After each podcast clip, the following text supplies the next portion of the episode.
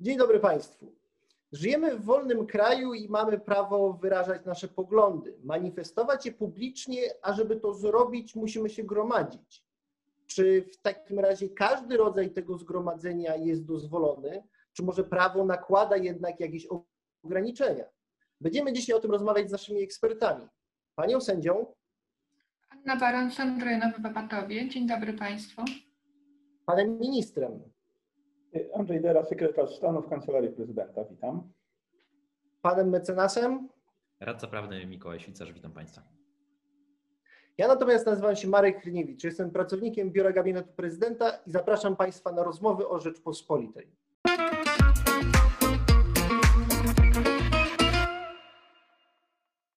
Może zacznijmy od najważniejszego pytania. Czym w ogóle jest zgromadzenie? Czy nasza czwórka spotykająca się tutaj przed komputerami jest zgromadzeniem? Pani sędzio? Nasza czwórka nie jest zgromadzeniem. Nasza czwórka nie jest zgromadzeniem z tego względu, że ustawa Prawa o zgromadzeniach z 24 lipca 2015 roku w artykule trzecim określa definicję zgromadzenia. I nasza czwórka nie może być zgromadzeniem, dlatego że po prostu nie jesteśmy po pierwsze na otwartej przestrzeni.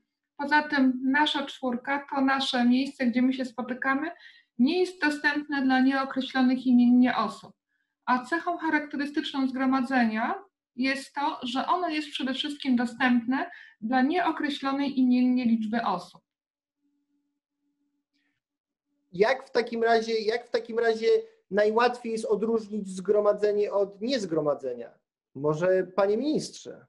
No myślę, że bardzo prosto jest to można sprawdzić, ponieważ zgromadzenie e, musi mieć cel publiczny. My tutaj sobie rozmawiamy e, na tematy publiczne, ale e, nie wyrażamy swojej opinii publicznie w sprawach publicznych i to jest to spotkanie osób, y, tak jak powiedziała pani sędzia, y, która jest zgromadzona w jednym miejscu w określonym celu. Wtedy możemy dopiero mówić o, o zgromadzeniach. I zgromadzenia są różne, są zwykłe, spontaniczne, są cykliczne, także jest szereg spraw, które określa właśnie, tak jak powiedziała pani sędzia, ustawa o wolności zgromadzeń, czyli o zgromadzeniach, także a to wynika z artykułu 57 Konstytucji, który Y, daje nam jedną z podstawowych wolności. Ja nawet mogę powiedzieć, że osobiście uznaję, że jeżeli y, w jakiś sposób wolność zgromadzeń jest y, blokowana, jest ograniczana, to wtedy trudno mówić o tym, że żyjemy w państwie demokratycznym. Czyli to jest jeden z fundamentów państwa demokratycznego. Czyli prawo do zgromadzeń mamy wskazane wprost w Konstytucji. Co takiego mówi nam Konstytucja o tych zgromadzeniach, panie mecenasie? Konstytucja bardzo króciutki jest artykuł 57, który mówi, że każdemu, każdej osobie, e, bez względu na to, czy jest obywatelem, czy nie jest obywatelem, tak naprawdę przysługuje ta wolność organizowania pokojowych, to jest też bardzo ważne słowo, pokojowych pokojowych zgromadzeń, e, czyli mam prawo zorganizować to zgromadzenie, ale przede wszystkim, bo organizatorów jest zawsze mniej, a więcej jest uczestników, więc mam przede wszystkim prawo uczestniczenia w tym, e, w tym zgromadzeniu. I zasadniczo tylko jedna mała adnotacja w Konstytucji, że ograniczenia może przewidywać, mogą być przewidziane w, w ustawie. I taką ustawę o zgromadzeniach mamy w naszym kraju z 2015, jak wskazała pani sędzia. E, ta ustawa, tak jak było wskazane, przewiduje różne rodzaje zgromadzeń. E, już tutaj pan minister wymienił kilka z nich. Jak wygląda ten katalog zupełnie? Pani sędzio? Mamy na pewno zgromadzenie takie, które najczęściej się spotyka, czyli zgromadzenie zwykłe. Mamy również zgromadzenia spontaniczne. One z samej nazwy wynika, że pojawiają się i są tworzone, organizowane spontanicznie. Mamy wreszcie tak zwane zgromadzenia uproszczone, chociaż tutaj może łatwiej powiedzieć, że nie, nie chodzi tutaj właściwie o zgromadzenie uproszczone, tylko chodzi, że jest uproszczony tryb organizacji tego zgromadzenia. I mamy wreszcie zgromadzenia cykliczne, czyli takie, które po prostu co jakiś czas cyklicznie w danym miejscu się odbywają. Różnica pomiędzy nimi dotyczy przede wszystkim procedury, czyli przede wszystkim tego, w jaki sposób one mogą być, powinny być zgłaszane. I to jest to, co jest zasadnicze. O ile w przypadku zgromadzeń spontanicznych nie ma w ogóle takiego czegoś jak zgłoszenie, zawiadomienie, o tyle w przypadku tego, tych innych zgromadzeń, które wymieniłam, takie zawiadomienia muszą być. Jak w takim razie funkcjonuje zgromadzenie spontaniczne? To znaczy, w jaki sposób możemy mówić o tym, że jedno ze zgromadzeń jest tym zgromadzeniem spontanicznym? Co jest w nim takiego szczególnego? Panie ministrze? Myślę, że tutaj przede wszystkim brak jako takiego organizatora. To się najczęściej odbywa na zasadzie jakiegoś skrzykiwania się poprzez internet, poprzez, y, y, no przede wszystkim dochodzi do jakiejś reakcji na to, co się dzieje w, w życiu publicznym, tak? Wtedy można mówić o takim spontanicznym, na przykład ostatnio mamy taki przykład orzeczenia Trybunału Konstytucyjnego i skrzyknięcie się ludzi w określonym miejscu na zasadzie y, właśnie takiej spontanicznej, by wyrazić swój, swoją opinię na ten temat. To jest taki ostatni, chyba klasyczny przykład y, y, zgromadzenia spontanicznego, czyli brak organizatora, brak i, i reakcja na, na coś, co się wydarzyło w przestrzeni publicznej. I tak ja bym to określił. W każdym innym przypadku to już jak, jak nie ma tych dwóch cech, to już wtedy możemy mówić o innym, innej formie zgromadzenia a jednocześnie pojawiały się opinie, że te zgromadzenia, szczególnie późniejsze, o których mówi pan minister, spontaniczne już nie były. No bo pojawiali się pewni organizatorzy, czy pojawiały się pewne określone, e, określony schemat organizowania de facto tych zgromadzeń. To czy nadal były one spontaniczne? Może panie mecenasie? Mm, I tak i nie. To znaczy, y, mm, nie były, spontaniczne, były spontaniczne na pewno na samym początku. E, potem można by przyjąć, że one już, no skoro ja planuję, że to, to, to, to zgromadzenie zbierzemy się za tydzień czy za, za dwa tygodnie, to troszeczkę ten przymiot spontaniczności traci. No ale też były sytuacje, w których te, te, e, te zgromadzenia, nie wiem, chociażby nawet ze względu na, na pogodę, nagle zaczęła, zaczęła padać silne, silna ulewa i okazało się, że dzisiaj tego nie możemy zrobić, więc przekładamy to na jutro. I miało to taki charakter spontaniczny, jest to taka, wydaje mi się, cienka granica pomiędzy ustaleniem, czy to ma charakter spontaniczny, czy to nie ma charakteru spontanicznego. No wszystko się działo tutaj dość, dość szybko, więc można, można y, przyjąć, że, że było to spontaniczne, chociaż no podejrzewam, że w niektórych przypadkach, w niektórych przypadkach na pewno też było na początku było spontaniczne, bo rzeczywiście e, taki to miało charakter, natomiast jak tak się pojawili organizatorzy, zaczęli planować jutro tu, jutro tam, to już w tym momencie cechy e, spontaniczności zniknęły, tak jak powiedziałem. I w momencie, kiedy pojawia się organizator, no trudno mówić o tym, że e, jest to spontaniczne. W tym znaczeniu, że ludzie chcą przychodzić, ale w momencie, kiedy jest organizator, to już jest planowane i powinno to już mieć ten przymiot zgromadzenia powiedzmy zwykłego przykładowo, czy uproszczonego, natomiast już zmienia swój charakter ze spontaniczności na zorganizowany, czyli zmienia, zmienia ten, swoją, swoją istotę tego spotkania. A ja z kolei uważam, że żadne z tych zgromadzeń nie było spontaniczne.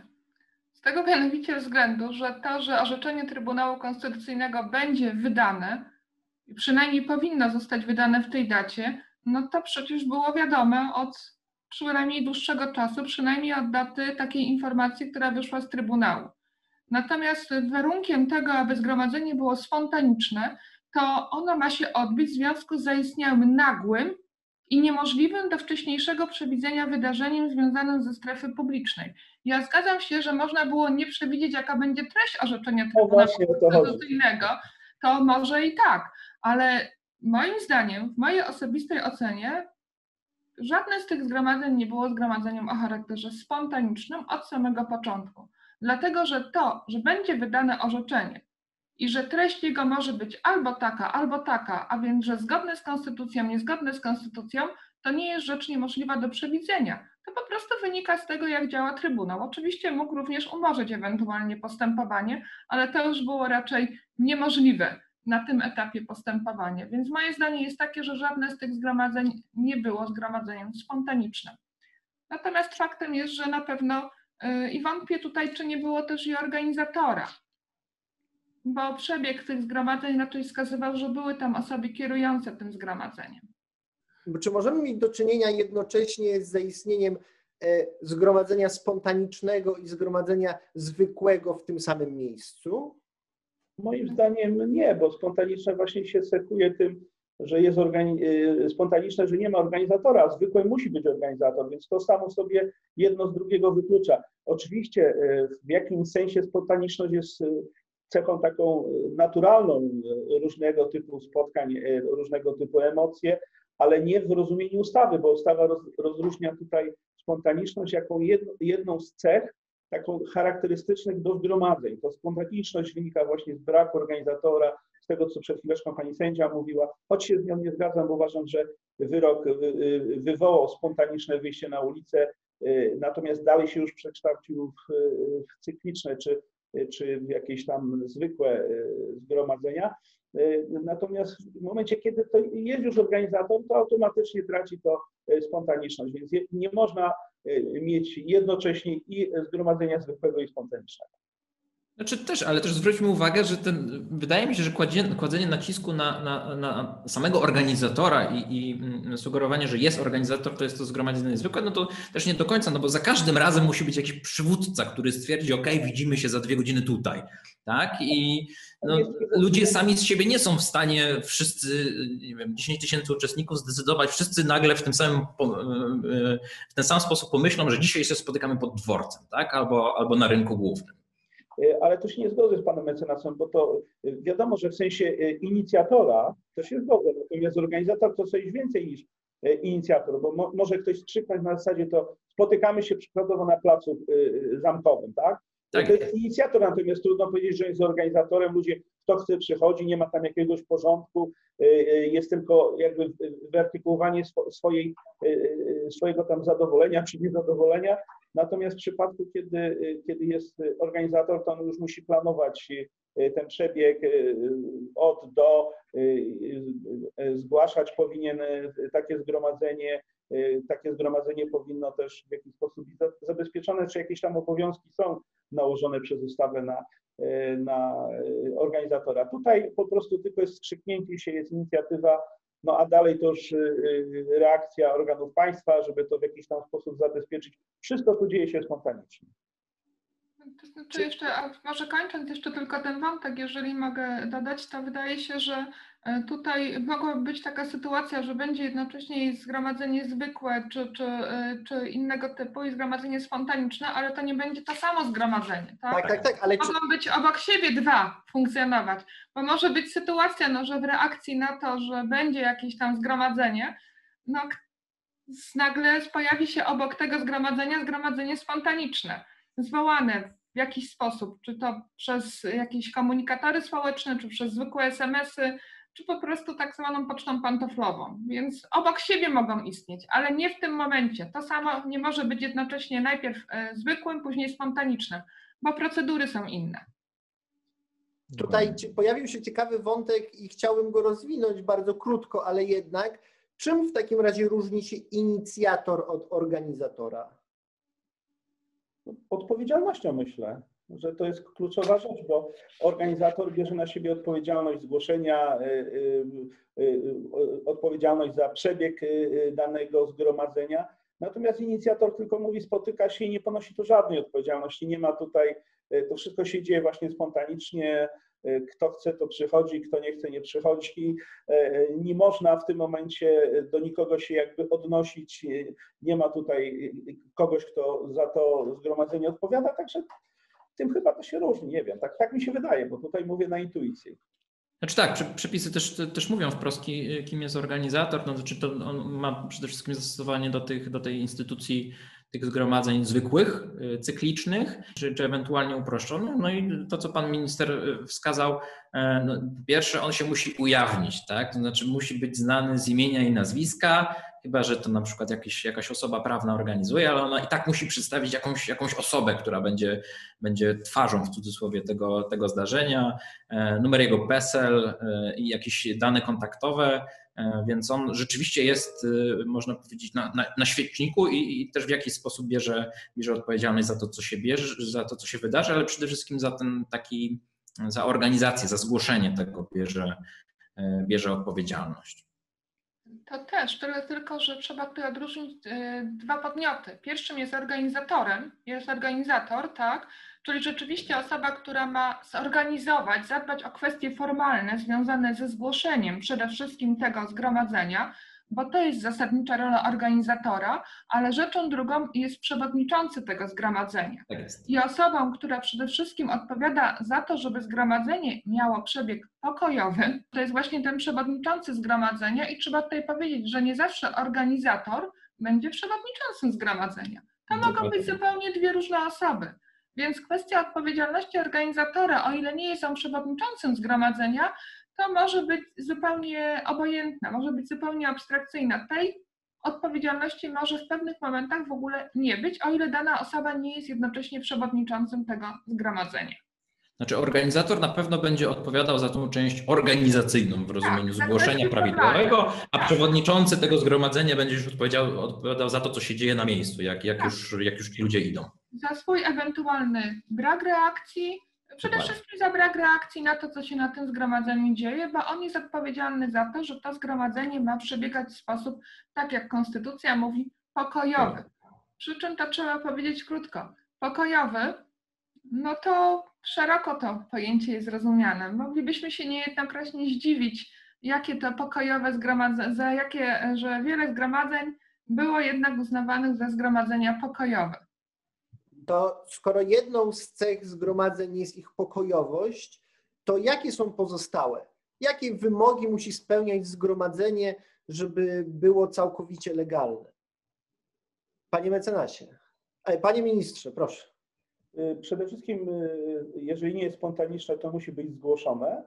To jest jakby pierwszy obowiązek. I drugi musi mieć charakter pokojowy, więc każde naruszenie nietykalności cielesnej, y, na przykład funkcjonariuszy, którzy y, pilnują takiego zgromadzenia, e, y, jak- jakikolwiek atak na mienie po drodze, y, ido- idąc, nie wiem, jakiś atak, nie wiem, na sklepy, na, na kościoły, na cokolwiek, y, na wiaty, y, czyli jak, jakiekolwiek naruszenie tutaj no, już nie spełnia tych kryteriów pokojowych y, i wtedy y, służby porządkowe, y, policja w szczególności ma prawo rozwiązać takie, y, takie y, zgromadzenie, może nakazać właśnie przewodniczącemu y, y, przywrócenie na przykład porządku, jeżeli tego nie zrobi, to rozwiązać nawet takie, y, takie zgromadzenie i to wszystko odbywa się y, w oparciu o tą ustawę, czyli w oparciu o przepisy prawa. Tak, tak to jest konstruowane. Wydaje mi się, że też jedna ba- bardzo ważna cecha, którą, o której n- zaczęliśmy rozmowę, to znaczy, czy my w czwórkę jesteśmy zgromadzeniem? Nie, bo e, no, jeden ten wydaje mi się najistotniejszy chyba element z tych, z tych wszystkich, to znaczy to, że e, jest nieograniczone w sensie dostępu ludzi, którzy mogą tam przybyć. To ta ustawa mówi, że to jest nieograniczony krąg adresatów. Tak? To dość, dość poważnie brzmi, ale tak naprawdę sprowadza się do tego, że każdy może do tego dołączyć, do, do, do, do tego zgromadzenia, więc jeżeli my jesteśmy w zamkniętym w zamkniętym pomieszczeniu na cztery spusty albo przez, przez internet, no to trudno, żeby ktoś, ktoś do nas dołączył, chociaż niekiedy się mówi, że na przykład jakiś zmasowany atak na, na, na jakąś stronę internetową też jest, czasami się pojawiają takie teorie, że, że bardzo wiele osób się skrzykuje, żeby zaatakować jakąś stronę internetową, to wtedy można mówić, że jest to zgromadzenie, ale to takie jest dość naciągane, powiedziałbym. To w takim razie czym jest, bo jestem ciekawy, czym jest w takim razie z- rozwiązanie zgromadzenia, znaczy jak ono przebiega, bo już przed chwilą o tym powiedzieliśmy, jakie czynności się podejmuje, jak faktycznie to wygląda, no bo to jest jedna chyba z istotnych rzeczy, o której warto wiedzieć. Pani sędzio? Trzeba powiedzieć sobie tak, że rozwiązanie zgromadzenia jest e, takim e, swoistego rodzaju bombą atomową, tak? Bo dlatego, że mamy wolność zgromadzeń i takie, oczywiście zgromadzenia mają mieć charakter pokojowy, ale nie oznacza to na przykład, że zgromadzenie traci swój pokojowy charakter w ten sposób, że ktoś tam, jakieś pojedyncze osoby, czy nawet jakaś zorganizowana grupa zaczyna w ramach tego zgromadzenia rozrabiać czy wręcz, y, czy zaczynają być znoszone jakieś takie no, mm, nieprzyjemne, najogólniej rzecz ujmując hasła. To jeszcze absolutnie w świetle orzecznictwa y, nie świadczy o tym, że zgromadzenie traci swój pokojowy charakter. Tak? Ale y, jeżeli dochodzi już do takich sytuacji, gdzie dochodzi do zorganizowanych ataków na mienie, na y, inne osoby, na funkcjonariuszy, no to oczywiście tutaj już nie ma wątpliwości, że takie zgromadzenie nie może dalej iść, nie może dalej funkcjonować, bo ono na pewno nie jest pokojowe. I jak wygląda procedura jego rozwiązania? E, Rozwiązanie, e, wydanie decyzji o rozwiązaniu zgromadzenia zawsze musi być poprzedzone takim ostrzeżeniem, tak, że jeżeli nie będzie, e, jeżeli nie, nie dojdzie do uspokojenia się uczestników, czy tam wszystkich, czy tam niektórych, to ono zostanie rozwiązane. Takie ostrzeżenie musi być przynajmniej dwukrotne. Natomiast samą decyzję o rozwiązaniu zgromadzenia, no to podejmują różne podmioty. W przypadku zgromadzenia spontanicznego, gdzie nie ma, gdzie nie ma przewodniczącego tego zgromadzenia, to taką decyzję podejmie w tym momencie funkcjonariusz kierujący działaniami policji, tak?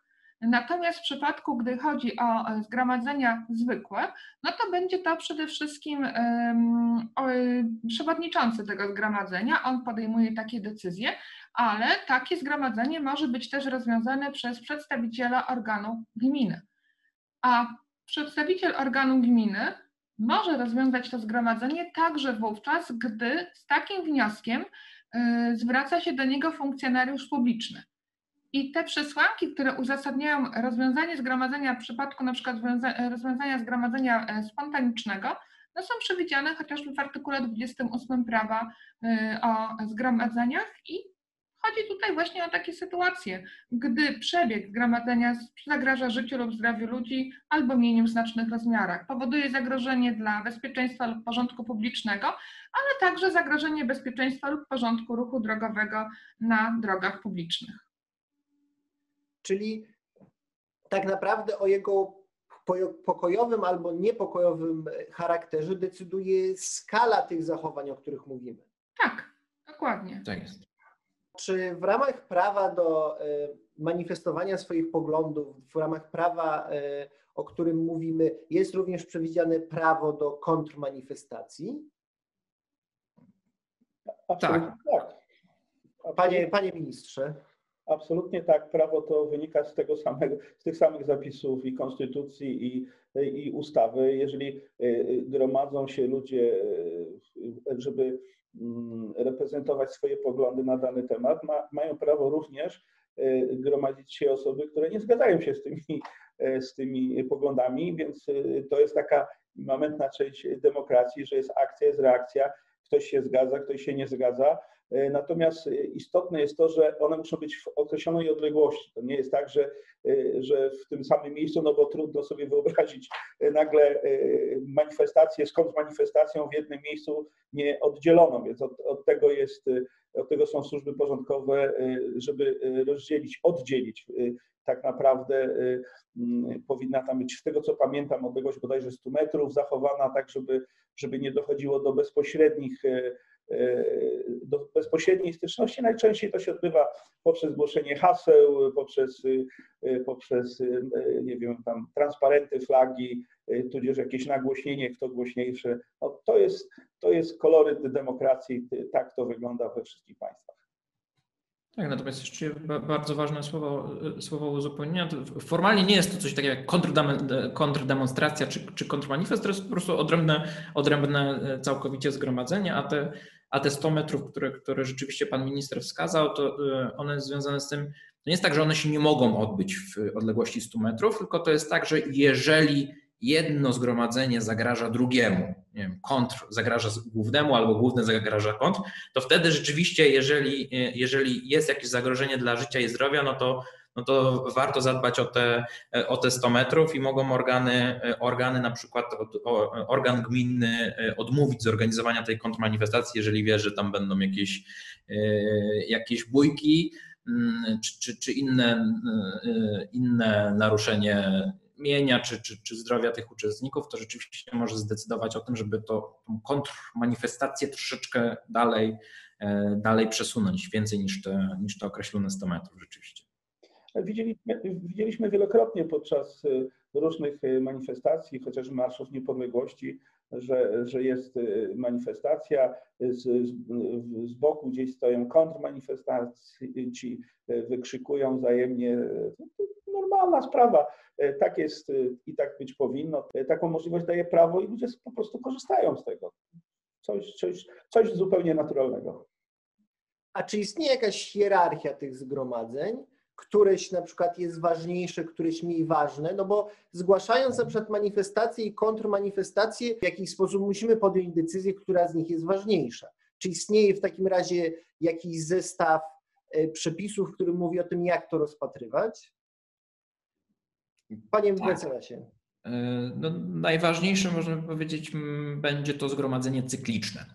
Dlaczego? No, no dlatego, że my z góry planujemy, co będziemy robić. I, I, artykuł, on jest dodany, bo on jest y, świeży, jest ten artykuł z 2017 roku bodajże, nie chcę się pomylić, ale jest on w miarę świeży. Dodano właśnie to zgromadzenie cykliczne i mówi, że jeżeli na, w tym samym miejscu albo na podobnej trasie e, co najmniej cztery razy w roku ma się odbyć dane, dane zgromadzenie, no to ono przyjmuje już charakter cykliczny, ono jest zgłoszone, zgłoszone w gminie i ono może mieć pierwszeństwo. To znaczy, jeżeli ja chcę zorganizować swoje zgromadzenie cykliczne, na przykład właśnie na Placu Zamkowym w Warszawie, e, i mam określoną z góry datę, że będę to robił w maju, czerwcu, lipcu, sierpniu, a ktoś w tym samym dniu, o tej samej godzinie chce zrobić zgromadzenie, e, które mogłoby temu zagrażać, no to będę miał pierwszeństwo jako ten organizator cykliczności. A druga sprawa to ma też znaczenie e, data wpływu data wpływu wniosku dotyczącego tego, tego zgromadzenia, więc jeżeli ja zgłaszam wniosek o zgromadzenie o 10.05, a kontrmanifestacja się zgłosi w tym samym miejscu o 10.06,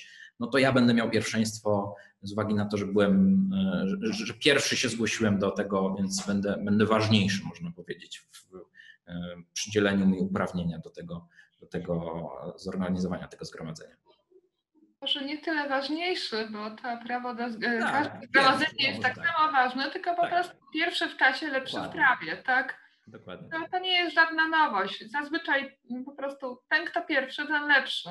I to jest szereg, w szeregu akt, aktów prawnych tego rodzaju rozwiązania są przewidziane.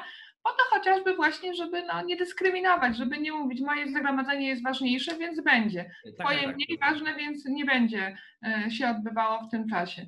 Akurat czas jest czynnikiem bardzo obiektywnym tutaj, więc, więc nie ma w tym momencie takiego niebezpieczeństwa, że e, decyzja o tym, czy będzie zgromadzenie, czy nie, będzie zależała w gruncie rzeczy od od no, urzędnika, który, daną decy- który, który podejmuje e, określoną decyzję w przedmiocie danego zgłoszenia, bo zgromadzenia można zakazać.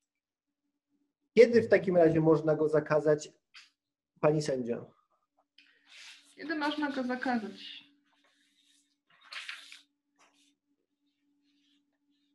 No chociażby teraz. Przede wszystkim wtedy, kiedy cel zgromadzenia, który powinien być określony przez organizatora, narusza wolność pokojowego zgromadzenia się, kiedy jego odbycie narusza artykuł czwarty, ponieważ artykuł czwarty mówi jasno, że o ile w zgromadzeniu mogą uczestniczyć wiele osób, tam, tam limitu wieku nie ma, o tyle organizatorem zgromadzenia może być tylko i wyłącznie osoba, która ma pełną zdolność do czynności prawnych, tak? Nie może być również zgromadzenie, jeżeli uczestnicy będą, deklarują, chociaż no to jest takie dosyć abstrakcyjne, że będą posiadać przy sobie broń, materiały wybuchowe, materiały, wyroby pirotechniczne, inne niebezpieczne materiały lub urządzenia, tak? Więc jeżeli odbycie jego, tego, te, takiego zgromadzenia, jeżeli w końcu może zagrażać życiu lub zdrowiu wielu osób mieniu w znacznych rozmiarach i nie można usunąć tego e, zagrożenia przez zastosowanie reguły pierwszeństwa wynikającej z artykułu 12, no i to, co mówił pan mecenas, jeżeli w tym samym czasie, w tym samym miejscu jest właśnie przewidziane zgromadzenie cykliczne, wtedy można dostać wydana decyzja o zakazie e, zgromadzenia. Oczywiście ona musi być wydana w odpowiednim czasie, i oczywiście może być zaskarżona. Czy jeżeli w takim razie mamy cel, który jest, z którego wprost wynika, że nie będzie to zgromadzenie pokojowe, no możemy sobie wyobrazić na przykład manifestację pod tytułem Bijemy piekarzy.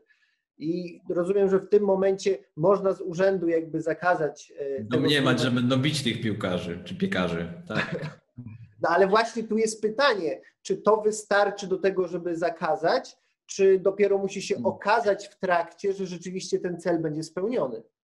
Nie, bo to bardzo ważne jest, e, e, znaczy rozróżnienie właśnie, żebyśmy mieli świadomość, czym innym jest zakaz zgromadzenia, czym innym jest to rozwiązanie. Rozwiązanie, no to jak już się dzieje, a zakaz to, to tak jak pani sędzia, sędzia wskazała, to, to nie wystarczy takie nasze poczucie, że coś złego tam się będzie działo. Mm, to musi być rzeczywiście bardzo wysokie prawdopodobieństwo tego, że będzie zagrożenie dla, dla życia, dla zdrowia. To jest to, co pani sędzia powiedziała. No ja sobie nie wyobrażam sytuacji, no ale może ktoś byłby na tyle inteligentny, że wniosku zgłaszając powiedziałby tak, będziemy mieli broń i materiały pirotechniczne. No, Dla mnie też jest Może się tak zdarzy, to wiadomo, wtedy będzie.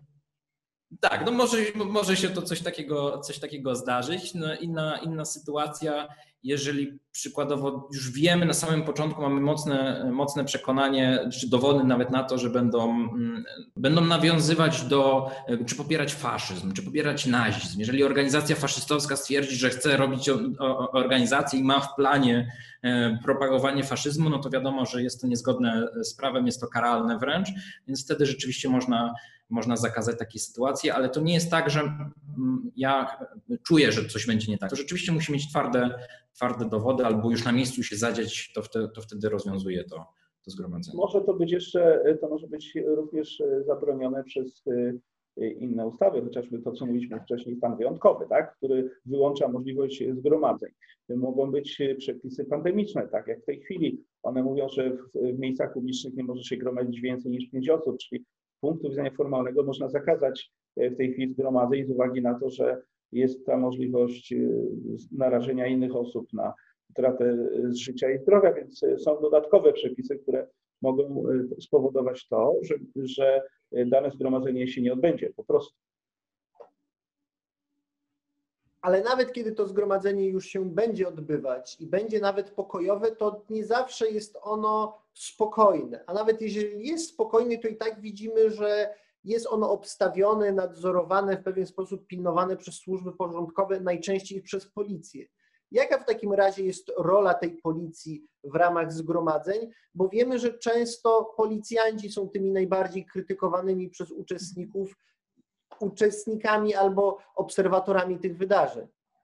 Rola policji, moim zdaniem, to jest pilnowanie porządku, to co należy do, do policji. Jeżeli zgromadzenie jest, jest zgłoszone, a policja ma rozeznanie, że na przykład dane, dany cel tej, tego zgromadzenia może budzić jakieś problemy społeczne, w tym sensie, że mogą być jakieś grupy osób, które się z tym nie zgadzają i tak dalej, to właśnie po to, żeby nie dochodziło do incydentów, po to, żeby nie dochodziło do na przykład do naruszenia nietykalności cielesnej, to policja właśnie pilnuje porządku i wielokrotnie widzieliśmy nawet niewielkie czy wielkie manifestacje, które policja ochrania i taka jest rola policji, bo to, co mówiliśmy wcześniej, kluczowa rola policji to jest to, aby takie zgromadzenie miało charakter pokojowy i były przestrzegane prawo. Bo w momencie, kiedy są naruszenia, to od tego właśnie są służby porządkowe, żeby reagować na wszelkiego typu naruszenia, włącznie z wezwaniem do rozwiązania zgromadzenia. Więc z punktu widzenia formalnego właściwie policja powinna zawsze być w pobliżu wszelkich zgromadzeń. Czyli z perspektywy zwykłego uczestnika marszu, kiedy podejdzie do nas policjant, czego możemy się spodziewać? To znaczy, jakie czynności wobec nas może podjąć i czem, na co powinniśmy się godzić, żeby z jednej strony zachować nasze prawo, albo żeby nasze prawo do zgromadzeń nie było naruszone, a z drugiej, żeby uczynić zadość przepisom prawa czy przepisom porządkowym. Pani sędzio. Na pewno funkcjonariusz policji może zażądać, żebyśmy się wylegitymowali, podali swoje dane osobowe. Oczywiście, no, powiedzmy, zazwyczaj jest jednak tak, że ci policjanci podchodzą i zaczynają legitymowanie w momencie, gdy w tym zgromadzeniu coś, coś już się zaczyna dziać, tak? I to nie chodzi tutaj o jakieś szczególne akty tam agresji, ale to może być na przykład chociażby taka sytuacja, że zgromadzenie idąc wchodzi gdzieś na teren prywatny, tak? Że gdzieś pojawiają się jakieś hasła, które komuś też nie odpowiadają, że gdzieś jest za głośno się robi. I wtedy no, policja podchodzi, ma prawo wylegitymować takie osoby i my mamy obowiązek okazać te dokumenty, tak? Jeżeli, jeżeli tego nie robimy, no to możemy się narazić na odpowiedzialność oczywiście za wykroczenie. Oczywiście, no jeżeli zgromadzenie już rozpoczy- zaczyna się robić coraz bardziej delikatnie rzecz ujmując gwałtowne, no to policja ma obowiązek stosować takie, ma nie tylko prawo, ma wręcz obowiązek stosować te środki, które ogólnie, przy, które normalnie przysługują, a zatem ma prawo dokonać zatrzymania, tak? Ma prawo i to zatrzymania w, w, różnej formie, tak? To nie chodzi tylko, ma prawo zastosować środki przymusu bezpośredniego, a my mamy obowiązek się temu oczywiście poddać, no chociaż gdy już dochodzi do zastosowania środków przymusu bezpośredniego, no to raczej tutaj trudno mówić o poddaniu się jakimś poleceniom funkcjonariusza. Najogólniej mówiąc, mamy jednak obowiązek stosować się do poleceń funkcjonariuszy. Jeszcze do tego, do tego wątku, e, tak, to co sama pani sędzia, e, sędzia powiedziała, wszystko jest prawdą. Tak do, doprecyzowując, e, jeżeli chodzi chociażby o to wylegitymowanie się, to wiadomo, to nie jest tak, że policja przychodzi i będzie legitymować każdego, kogo popadnie, bo ma taki, bo ma taki kaprys. No, założenie jest tak jak w, w życiu normalnym, też na ulicy.